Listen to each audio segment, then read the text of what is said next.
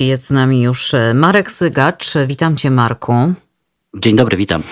Będziemy rozmawiać o Ukrainie. Przed chwilą e, takie, tych informacji z Ukrainy, jak wiesz, bo przecież śledzisz to e, bardzo, bardzo, pojawia się bardzo dużo z frontu ostatnio. To sprzed, na które ja natknęłam się jakieś pół godziny temu, to e, oświadczenie Sierhija Hajdaja. Oficjalnie potwierdzam, że rozpoczęła się ukraińska operacja wyzwalania obwodu ługańskiego. Co to oznacza, Marku? No ja przede wszystkim chciałbym podziękować Ci za tą piosenkę, którą przed chwilą Piękna, nagrałaś. prawda? Bo to, jest taki, bo to jest taki kawałek, który ja już słucham, od, którego ja już słucham od dłuższego czasu i on się tak wbija w głowę, mm -hmm. że trudno się od niego uwolnić. Mm -hmm. To jest e, piosenka grupy Skowka, nazywa się Ciuty Hymn, czyli e, tak naprawdę słychać hymn a refren tej piosenki, czy też główna jej część mówi o tym, e, że oczywiście Ukraińcy, my Ukraińcy wytrzymamy te mm. wasze wystrzały, wasze uderzenie, ale zanim do tego dojdzie, to będziemy was tłuc za to wszystko, co żeście zrobili. Za Bucze, e, za Dnipro, za Mikołajów i wymienia po kolei tutaj tak. autor tej piosenki, za co Rosjanie dostają. No i rzeczywiście, jakby według scenariusza, według tekstu tej piosenki Rosjanie dostają. To, że Hajdaj powiedział o tym, że rozpoczyna się rzeczywiście wy, e, wyzwalanie czy odbijanie obwodu ługańskiego, no to jest bardzo ważna informacja, bo to znaczy, że tak naprawdę obwód charkowski, czyli ten, który sąsiaduje z obwodem ługańskim i jest e, w ramach tej wschodniej linii frontu, wschodniej części frontu, został już w większości, o ile nie cały, oczyszczony z wojsk rosyjskich. Przyszedł czas na obwód ługański. To jest o tyle ważne, że część przecież obwodu ługańskiego zajmuje ta samozwańcza Ługańska Republika Ludowa. Więc e, ja jestem ciekawy, jak będą zachowywały się wojska ukraińskie, idąc e, w stronę e, granicy, tej dawnej granicy frontu i w stronę Republiki, e, tak zwanej Republiki Ługańskiej Republiki Ludowej. Jestem ciekawy, czy zdecyduje się Kijów na to, żeby sforsować tę dawną linię frontu i wkroczyć do, na te tereny, nad którymi nie miał kontroli przez ostatnie 8 lat i jak się ta sytuacja będzie, będzie rozwijała. Tutaj patrząc na mapę trzeba sobie zdać sprawę z tego, że ta wschodnia część, ten obwód ługański to jest jeszcze szmat ziemi, który jest pod kontrolą Rosjan, więc to na pewno nie będzie e, szybka, krótka operacja. No, też oczywiście trzeba wziąć pod uwagę to, jak zachowują się w tej chwili e, wojska rosyjskie, no bo to, że z obwodem e, hersońskim poszło przepraszam, charkowskim poszło tak szybko, no to świadczy o, o morale, o wyszkoleniu, o przygotowaniu i o nastawieniu do, do tej wojny jednostek rosyjskich. Wycofali się stamtąd szybko. Zobaczymy, jak będzie w, w obwodzie ługańskim. E, no, ale tak naprawdę całe oczy chyba wszystkich w tym momencie, którzy interesują się tą wojną i przyglądają tej sytuacji poza Hersońszczyzną, zwrócone są, mm, e, znaczy poza mm, Charkowszczyzną, zwrócone są na, na właśnie na ten kierunek Hersonia, Hersońszczyznę, tak. E, z ukraińska to brzmi, można to w ten sposób spolszczyć, bo tam mm, w okolicach, e, w okolicach miasta Nowa Kachowka i samego Hersonia rzeczywiście zaczyna się robić Rosjanom e, dość ciasno. Ukraińcy no, zrobili kolosalne postępy w ciągu ostatnich kilku dni, przesuwając front w stronę Hersonia i zbliżając się do tego miasta, stolicy obwodu, który do niedawna mm, w całości jako jedyny był kontrolowany przez wojska rosyjskie. No i tu się robi gorąco. To jest sytuacja o tyle e, łatwa, może źle powiedziane, ale korzystniejsza dla Ukraińców, a mniej korzystna dla Rosjan, dlatego że te walki w tej chwili trwają e, po zachodniej, e, na zachodnim brzegu Dniepru. Więc e, opanowanie tego, tej części e, będzie pewnie łatwiejsze od tej części po drugiej stronie rzeki, która już e, sąsiaduje bezpośrednio z Krymem. Więc tutaj po tej prawej stronie Dniepru, po zachodniej, Rosjan jest łatwiej otoczyć i odciąć, ponieważ nie za bardzo mogą się wycofać za Dniepr, ze względu na to, że mosty przez Ukraińców zostały zniszczone. Więc to są takie dwa odcinki, na których rzeczywiście e, no, dzisiaj e, Kijów podał, że ponad 1500 miejscowości od samego początku zostało wyzwolonych, a e, okolice Hersonia i okolice i obwód charkowski, teraz Ługańszczyzna, no to są te rejony, gdzie ofensywa się rozwija. Oczywiście Moskwa cały czas mówi o tym, że w drodze na front i już częściowo obecne są te jednostki zmobilizowane w ramach tej częściowej mobilizacji.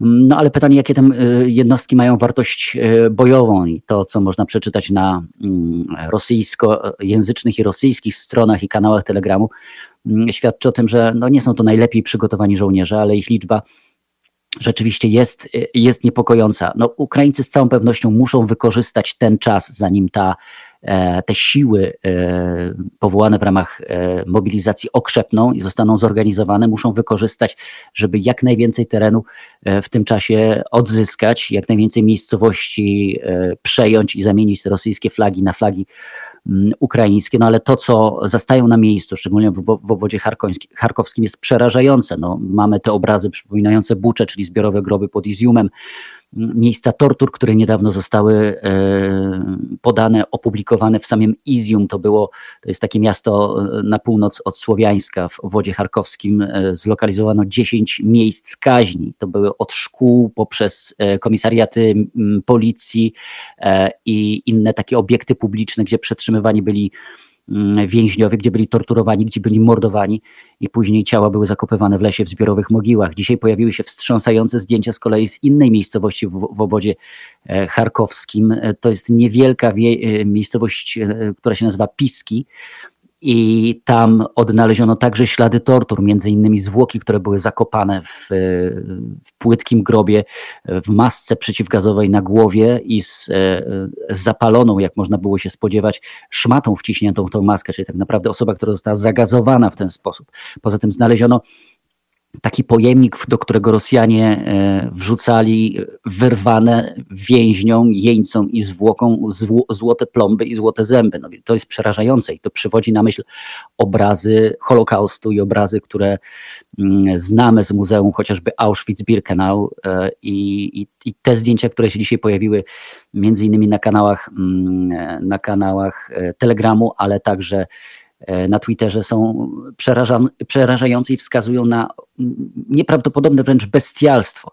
E, trzeba wziąć pod uwagę, że te tereny, które w tej chwili na wschodzie są wyzwalane przez wojska ukraińskie, to są tereny, które przez e, no, prawie pół roku były pod kontrolą rosyjską i, no, i tych śladów zdecydowanie będzie tam więcej. To już z całą pewnością w tym momencie można powiedzieć, powołując się i na władze ukraińskie, i na to, co na miejscu E,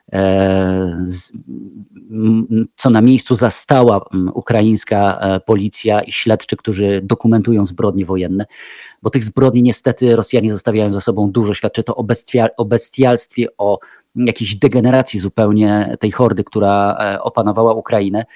E, no i też trzeba wziąć pod uwagę, że te sukcesy Ukraińców oczywiście one są ważne, one są duże, one są znaczące, one są budujące morale, e, ale na tej mapie to jest jeszcze kilkanaście procent terytorium Ukrainy, które jest pod kontrolą Rosji i, e, no, i są te terytoria, które wcześniej były zajęte, czyli Krym i dawne republiki tak zwane Ługańska i Doniecka. To będzie bardzo trudny obszar do odbicia, jeżeli Ukraińcom uda się odzyskać te tereny, które w ciągu ostatnich e, siedmiu miesięcy zostały zajęte ze względu na to, że te 8 lat jednak doprowadziły do tego, że wzdłuż starej linii frontu powstały silne umocnienia.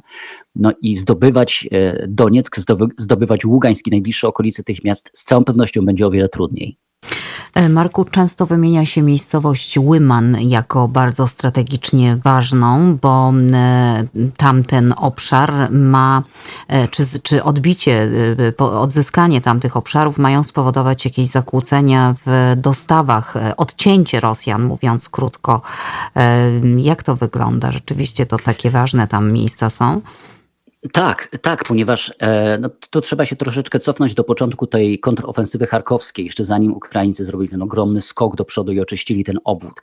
E, e, trzeba sobie zdać sprawę z tego, że żeby prowadzić wojnę w głębi kraju, a wojska rosyjskie weszły głęboko, trzeba zabezpieczyć transport, trzeba zabezpieczyć linie kolejowe i szlaki komunikacyjne, którymi można dostarczać broń, dostarczać zaopatrzenie, e, no, przerzucać wojska, także komunikacja jest bardzo ważna.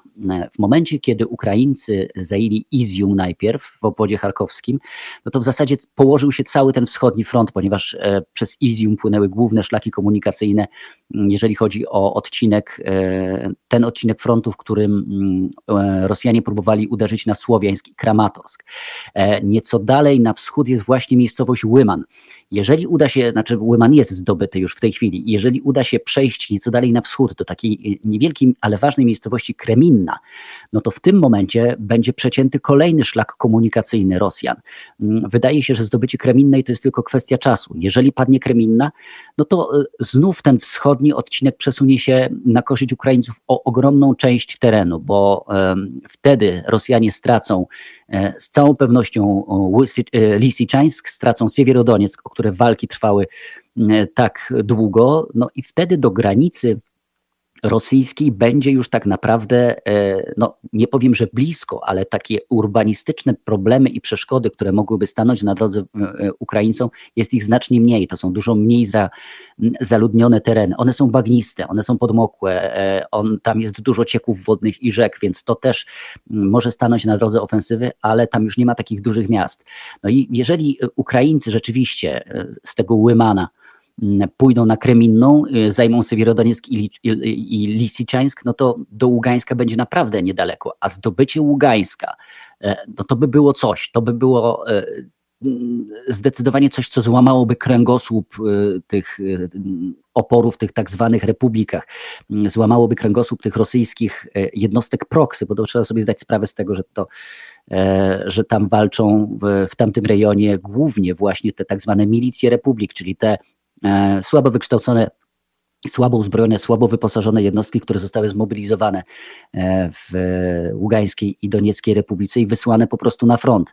E, więc tutaj też morale jest słabe, ale też jakaś degeneracja tych walczących tam, trudno powiedzieć, że to żołnierze, to raczej chyba bojownicy, jest o, o wiele większa niż pozostałej części armii rosyjskiej.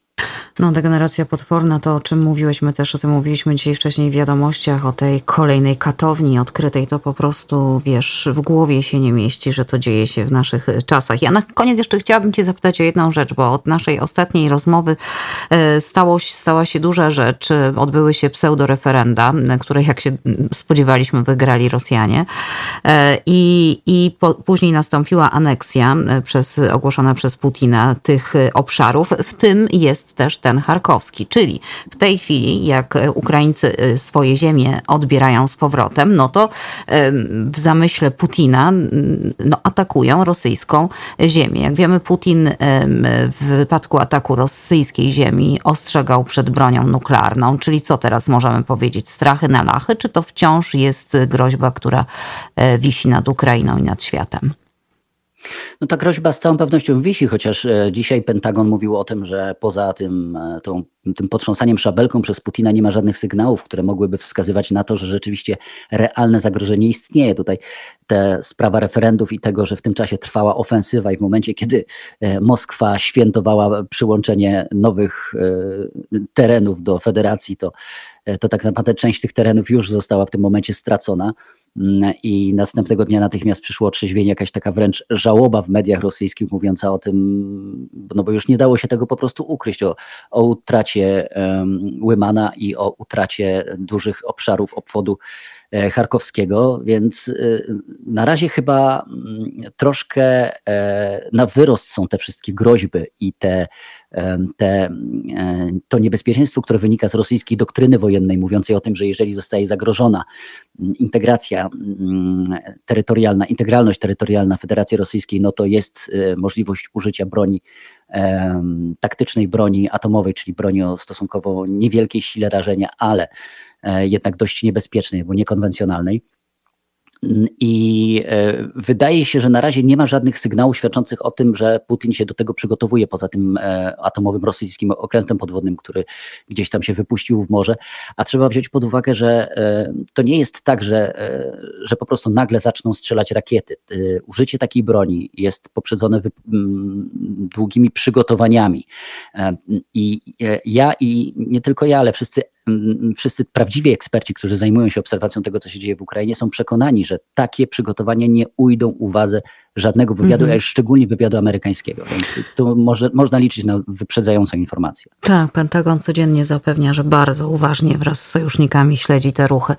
Marku, dziękuję Ci bardzo za Twoje analizy, wyjaśnienia niektórych jakże skomplikowanych dla nas, zwłaszcza nieznających e, tam tych terenów e, informacji. Mm, dzięki i e, no cóż, do usłyszenia za tydzień. Mm, miejmy nadzieję, że z coraz lepszymi dla Ukraińców doniesieniami właśnie. Bardzo dziękuję, do usłyszenia. Do usłyszenia. Marek Sygacz komentował dla Państwa e, wydarzenia z ukraińskiego e, frontu.